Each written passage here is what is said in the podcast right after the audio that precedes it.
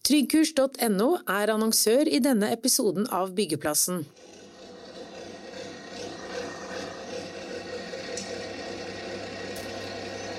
Hvordan vil den kinesiske gjenåpningen påvirke byggekostnadene?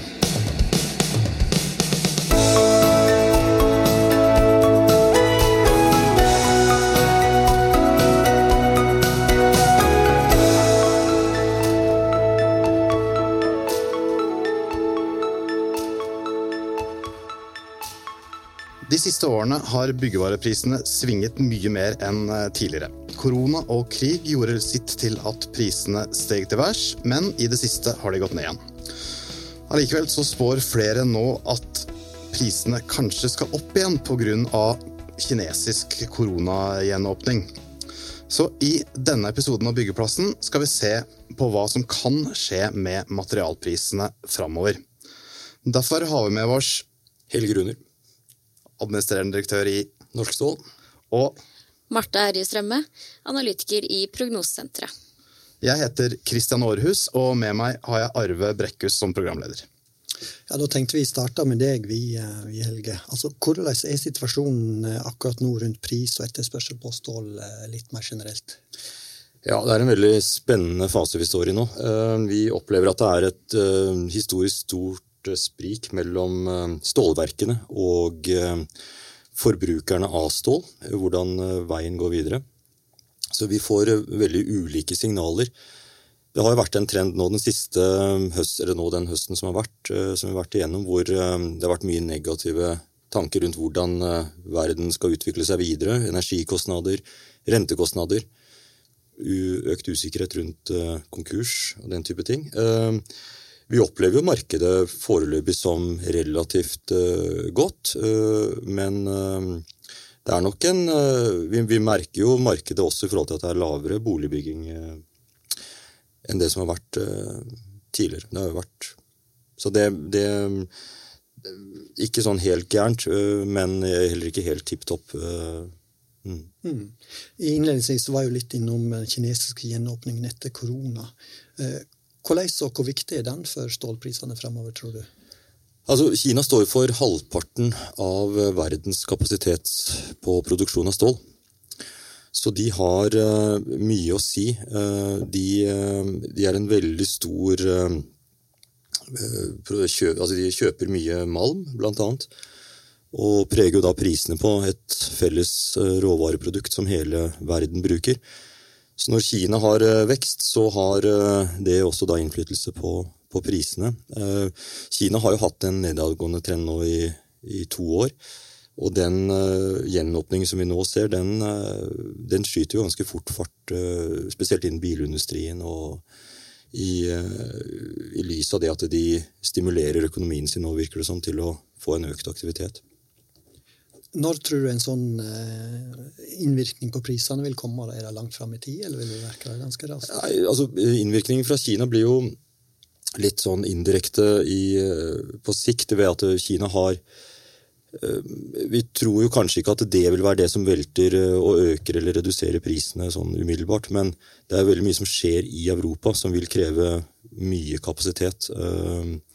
Jeg leste nå nylig at uh, Tyrkia, uh, bare jordskjelvet og konsekvensen av det, er et enormt uh, behov for å bygge opp, og det er mye som skal bygges opp igjen der borte. Det vil kreve kapasitet. og det er det som er interessant med den bransjen her, at dette her henger jo sammen. Altså det er Stålverk bygger man ikke mange av om dagen, og det er klart at den kapasiteten som ligger der, den blir sånn sett utnyttet. Det at vi har en krig i Europa, og at Forsvaret bygger seg opp rundt om i verden, og det er jo mye stål som blir brukt i en sånn oppbygging, vil det spille inn, tror du?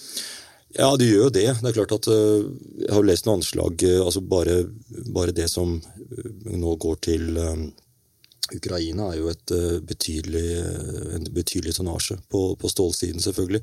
Men, men Så det er jo sånn sett triste, triste bakgrunner for, for det som da vil danne et grunnlag kanskje på sikt. Men, men jeg tror det viktige her er at eh, alt som er uro og usikkerhet, det er, eh, det er ikke bra for en bransje som egentlig trenger nå ro og stabilitet eh, i prisutviklingen.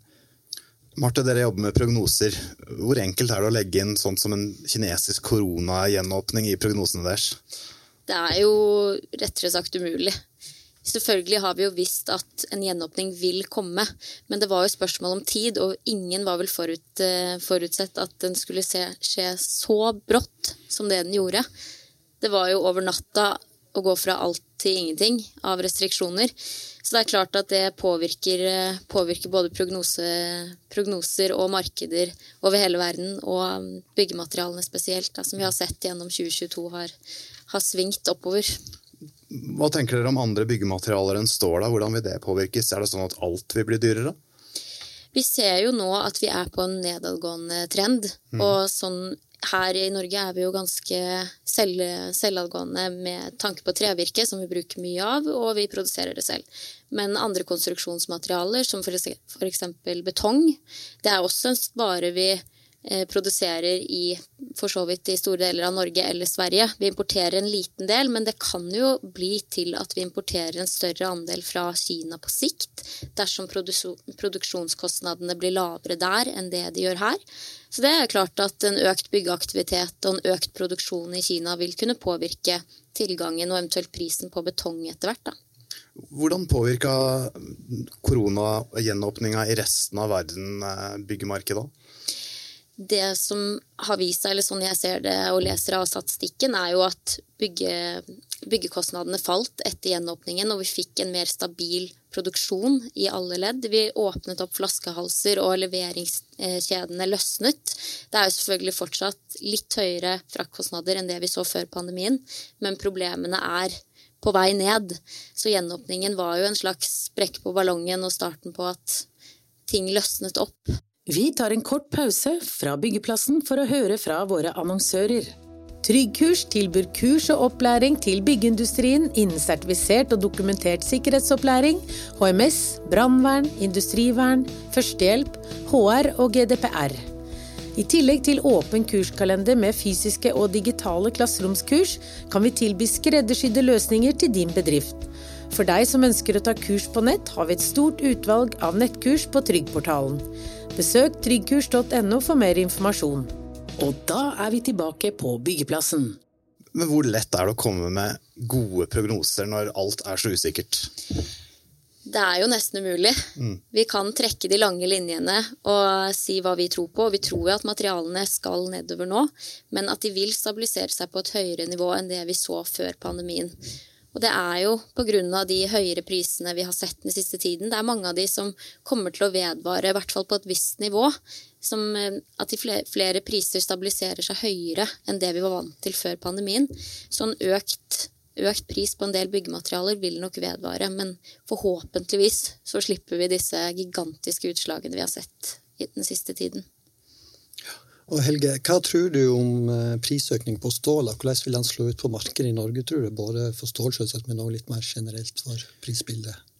Nei, altså vi ser jo det nå at uh, etter en periode nå hvor stålverkene har uh, redusert produksjonskapasiteten sin, så, så, ser vi at det er mer det er mer press igjen. Altså Et stålverk bruker lang tid på å stenge ned og også bygge opp igjen kapasitet. Dette er jo øh, store, store fabrikker, rett og slett. Så øh, det er nok mer balanse i markedet nå. og Jeg tror nok uh, veldig mange stålprodusenter nå ser at uh, året har startet bra. Det er mer balanse i markedet. Det er en veldig viktig forutsetning.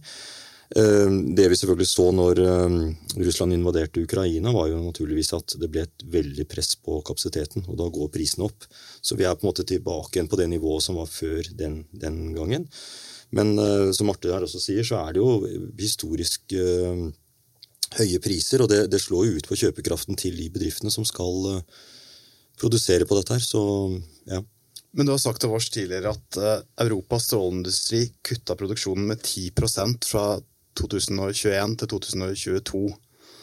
Eh, er noe av den produksjonen kommet i gang igjen i fjor, eller er det Ja, noe av den er kommet i gang igjen, men eh, det er klart at de, de, de har jo Altså, et stålverk har så høye kostnader i, i, driften, og de har jo hatt en De merker jo veldig nedgangen nå i forhold til at prisene har hatt Nå har vi hatt nedganger i pris i et halvt års tid, og det har jo tært på marginene. De de produserer jo stort sett uh, mye med tap nå, nettopp fordi at de dette er å tune kostnader og få den langsiktige forutsigbarheten. Tilbake til med uro og usikkerhet er jo ikke bra for, for den type bransje. Så øh, det er viktig for de å få tilbake lønnsomheten i den produksjonen de, de gjør også. Så i hvert fall sånn på andre materialer kjenner jo ikke jeg til, men i hvert fall på, på stål- og metallsiden så, så, er det mye som tyder på at det skal litt opp uh, på mange materialer. Så er det nok noen som blir liggende ganske stabilt. Men vi tror ikke det blir noe ytterligere korreksjoner ned enn det vi har hatt de siste seks-syv månedene.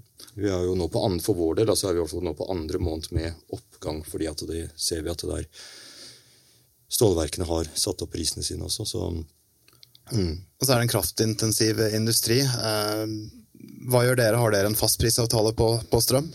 Nei, vi, det er litt, vi har vært litt innom forskjellige varianter. Men vi, altså, vi produserer jo ikke stål, så vi, jo, vi, distribuerer og har jo da kontakten med stålverkene. Og stålverkene er jo ofte inne i fastprisavtaler, mm. som for så vidt også er et element for flere av disse stålverkene. har jo lange avtaler som nå skal reforhandles i en mye mer usikker tid enn det de var igjennom eh, tidligere. Og så er det det at Eh, altså kraftbehovet de neste årene vil jo være helt enormt i forhold til det grønne skiftet som skal, eh, som skal opp. Altså Grønn energi vil jo drive veldig mye av kostnadene fremover, tror vi. For Du, du snakka om det før her. Mm. Fortell litt mer om det. Hvordan vil det påvirke kraftintensiv industri? Nei, altså nå skal Man jo man skal legge om hele produksjonen av eh, stål. Altså Det er fascinerende, helt enormt fascinerende det som skjer der nå. Og, og da skal man jo bruke hydrogen til å produsere stål.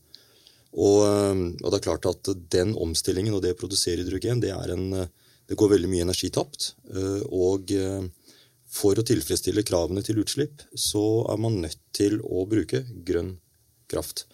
Og den kommer det nok til å bli en knapphet på, tror vi, da, i de neste årene. Rett og slett om det, klarer, om det er mulig å produsere nok grønn kraft til at alle kan produsere grønne, det grønne produktet som man har forpliktet seg til å gjøre. Og Det er jo mye fokus på fastprisavtaler når vi snakker om, eh, om strøm og energi. da. Går det an å få fastprisavtaler på, på stål, tror du? Nei, vi har, vi har, tittet på det en gang i tiden. og det, det fins kanskje noen sånne teoretiske modeller på det, men det er igjen risikoen. altså Man begynner å titte tilbake på hva vi har vært igjennom med altså disse prisøkningene og nedgangene som har vært som en ja, det, så det er ikke ja, man skal i hvert fall være godt risikovillig hvis man er interessert i å Det er ikke utbredt i markedet? i hvert fall. Nei, det er ikke så veldig utbredt i markedet. Man klarer å se, finne løsninger på litt kortere sikt, men eh, ja. Mm. Marte, du har jo eh, nevnt litt om byggekostnader og påvirkninger. Men hvor viktig er byggekostnader for utsikten i bransjen litt mer generelt, da, hvis du ser eh, overordna på det her i, her i Norge? Det er jo klart det er viktig for spesielt nybyggsiden og byggeaktiviteten framover nå. Vi har jo sett medieoppslag dag etter dag med ekstreme fall i nyboligsalget, og det stimulerer jo selvfølgelig ikke til, til mer utbygging av nye boliger eller nye yrkesbygg eller næringsbygg. Og med høye byggekostnader så er jo det grunnen for at prisene øker og gjør det vanskeligere for kjøperne å kjøpe nye boliger eller nye næringsbygg. Så det at byggekostnadene stabiliserer seg noe fremover, vil jo være avgjørende for salget av nye boliger og nye næringsbygg, og derfor også på sikt da byggeaktiviteten og igangsettingen av nye bygg. Det vil jo årene fremover mye mest sannsynlig være preget av en lav boligtilførsel og en lav igangsetting av bygg, særlig i år. Men når byggekostnadene stabiliserer seg på et litt lavere nivå, vil det være mulig å utvikle nye prosjekter for utbyggerne uten å unngå tap. Mm. Og så sier du litt om dette med prognoser. Dere kommer med nye prognoser nå. Tre år fram i tid. Mm. Jeg vet du ikke kan gå inn på noe tall der ennå, men, men, kan du si litt, om, litt mer om, om trendene dere ser? Ja, hovedscenario er jo egentlig at vi tror jo på det vi sa i september, med noen justeringer. Vi trodde at vi skulle få et fall i byggeaktiviteten allerede i 2022.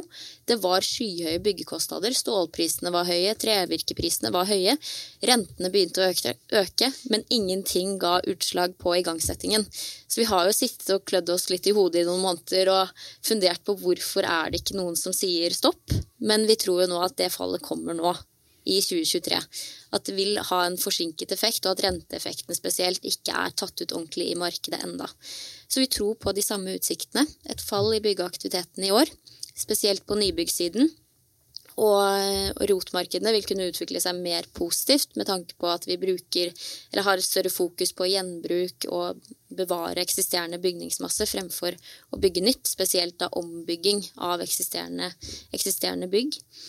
Men vi har jo utsikter også til at det tar seg opp igjen. Vi tror på en lysere tider i 2024, når vi får et rentekutt, forhåpentligvis, i løpet av 2024, starten kanskje utover i 2024 så tror vi at uh, ting vil snu, og at byggeaktiviteten vil ta seg opp igjen.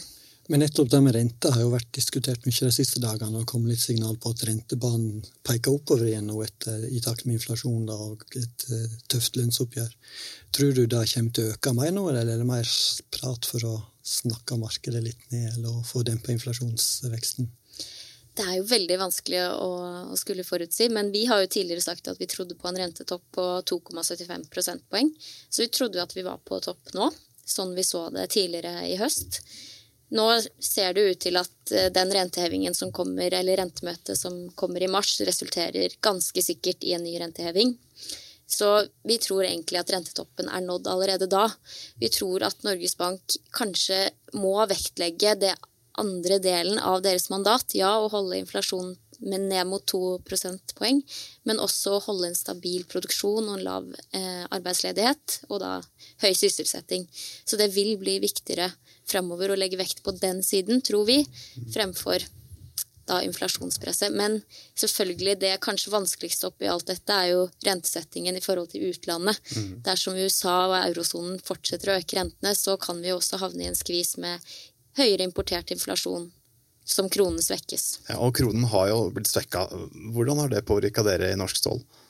Nei, altså vi, eh, Det merker vi jo veldig godt. Veldig mye av det vi kjøper inn, går jo i, eh, i euro og for så vidt også dollar. Men det, så det slår rett inn på, på bildet, selvfølgelig. Så, og det er et veldig godt poeng å, å, ta det inn i betraktningen. For klart at det, det er en eh, det er ikke så veldig positivt for importindustrien selvfølgelig med en svak krone. Det, og det er jo men igjen så er det disse fluktasjonene da, som slår inn, og som eh, når det da treffer begge veier samtidig, altså du får en prisoppgang på stålet og du får en, prisopp, får en svekkelse av kronen, så er det klart at da blir det en sånn dobbel, dobbel effekt av det. Så. Men eh, ja, nei da, så det, det, er, eh, det merker vi veldig godt. For Hvis vi husker tilbake til før korona, mm. så snakka jo byggevarehandelen og industrien veldig om kronekurs. Mm. Mm. Hele året før, egentlig. Mm. Så kom koronaen, så kom krigen. Mm. og så, ja.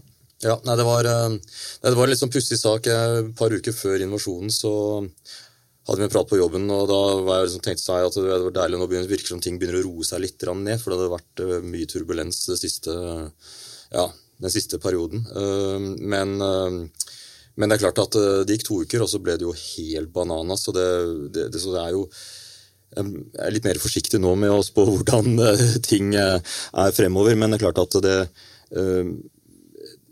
det skal jo mye til at vi kommer igjennom noe som, vært, uh, som vi har vært igjennom nå de siste, siste årene. Og disse X-faktorene de behøver man ikke bruke tid på å diskutere, fordi de klarer man ikke ta inn over seg uansett. Så, ja.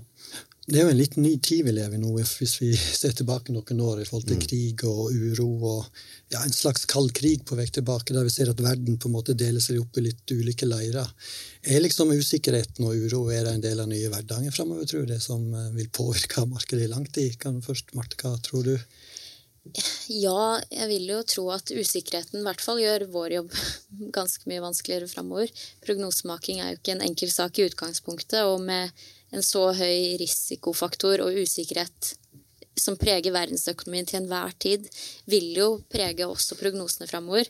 Og kanskje også er på en måte rotårsaken til mange uenigheter om dagen om hvorfor inflasjonen har kommet, og om vi trenger flere renteøkninger eller ikke, hvor arbeidsledigheten er på vei.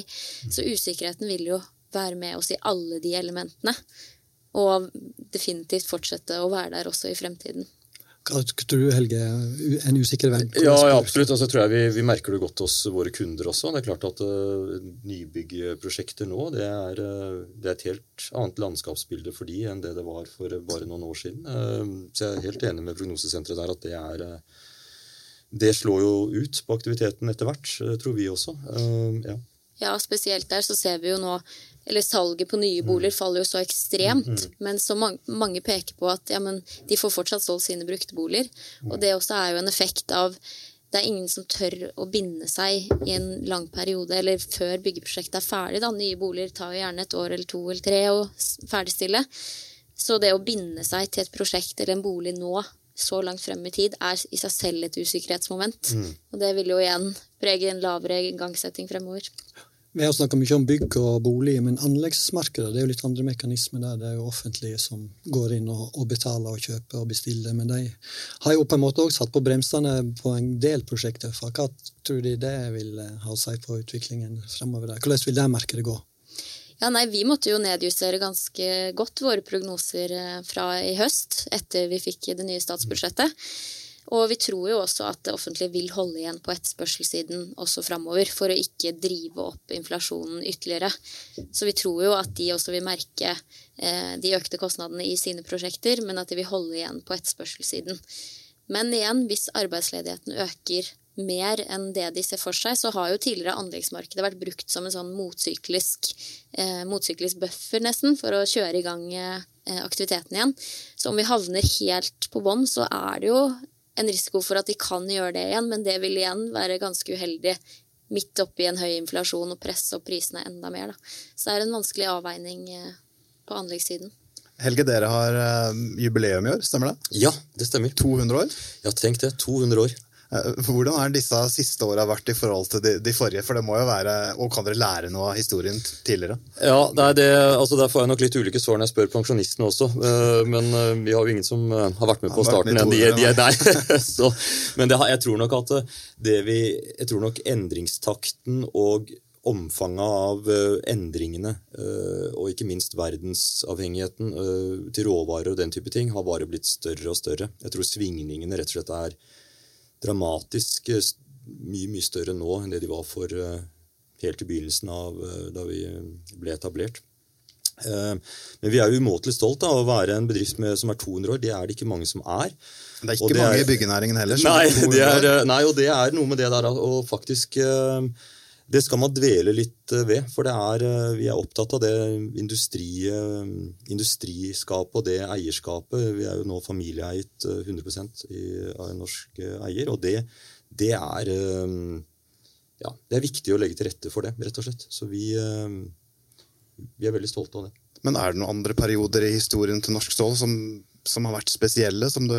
Ja, det er, mye, det er, veldig mye morsomme historier når man begynner å nå driver og skriver sånn årsbok. Eh, og det er jubileumsbok. da, og Der er det jo masse spennende historier om eh, verden bakover og hvordan dette her har vært. Uh, men ja, jeg tror ikke vi har sett noe lignende av det vi har nå tidligere. Men ikke det omfanget vi har hatt de siste årene. I hvert fall. Én ting som var veldig vanskelig under både pandemien og i starten av krigen, var jo frakt og kostnad på frakt. Hvordan er det bildet egentlig nå? Nei, det, det, er litt eh, opp og ned. Nå er det mye mer rolig nå. Det har, eh, det har kommet til mer normalt uh, gjenge. Men, men, det er klart at uh, den tilgjengeligheten av råvarer som man er avhengig av, den forflytter seg jo da i henhold til hvor råvarene er tilgjengelige. Og der er det det at vi har den Altså, Reiseveiene har nok fått Det er blitt lengre reiseveier på en del råvarer enn det det var før. Ettersom selvfølgelig Russland er sanksjonert, og Hviterussland og Ukraina er ute med sin produksjon, så er det klart at det er mye av sin produksjon. Så, så det, er, det er lengre reisevei, men vi opplever ikke de hysteriske tidene vi hadde for et år siden, hvor det var helt ja. mm. Det var spesielle tider. Mm. Eh, vi er jo inne i, i snart noe som begynner å ligne på en vår, i hvert fall når vi ser ut av vinduet her i podkastrommet vårt. Og det betyr jo lønnsoppgjør. Lønnsoppgjør er jo spådd å bli ganske høyt i år. Hva tror du Marte, det vil ha å si på, på, måte, på renten og inflasjon og sånne ting? Det er jo spådd ja, kanskje et lønnsnivå opp mot 4-5% Skal det opprettholde kjøpekraften i hvert fall? Hva, hvor viktig er det for utviklingen fremover? Det vil jo definitivt være veldig viktig. Det er jo mange som påstår at lønnsoppgjøret må resultere i minst like høy lønnsvekst som konsumprisveksten. Og hvis det skal bli så høy vekst, så ligger det vel an til 4,8 Det er det vel SSB anslår eh, blir konsumprisveksten i år. Så det er klart det vil være avgjørende. Men samtidig så er det jo helt utrolig. Også de private husholdningene har jo opprettholdt sin kjøpekraft etter pandemien. De har tært på oppsparte midler, og det er ingen tegn til at den private konsumet har falt. Så selvfølgelig med et høyere lønnsoppgjør så vil det jo bidra til å en viss grad opprettholde konsumet. Men i det store og det hele så må konsumet falle slik vi ser det nå. Med de rentehevingene vi har, prisveksten i samfunnet generelt. Privatkonsum må ned, og det er en såpass stor andel av BNP at også BNP-veksten, eventuelt nivået på BNP, kan til og med bli fallende, tenker vi. Hvordan påvirker et sånt lønnsoppgjør eh, norsk stål? Nei, altså det er klart det, det, altså Alt av kostnader og kostnadsøkninger er jo Det blir jo Vi prøver hele tiden å jobbe mer effektivt, men vi klarer ikke å effektivisere oss uh, til null. Så det er klart at det Men jeg skal ikke spekulere hvilket nivå og hvordan, men det er klart at vi uh, Det blir jo for alle i, uh, ja, industrien generelt. Og det er klart at et dyrt lønnsoppgjør, det er Alt blir dyrere, men vi prøver å ha stålkontroll på hvor lenge vi holder på med podkasten her. Nå har vi nådd vår tilmålte tid. Takk til dere som var gjester. Takk til dere som lytta på. Vi er snart tilbake med en ny episode av Byggeplassen. Tryggkurs.no var annonsør i denne episoden av Byggeplassen.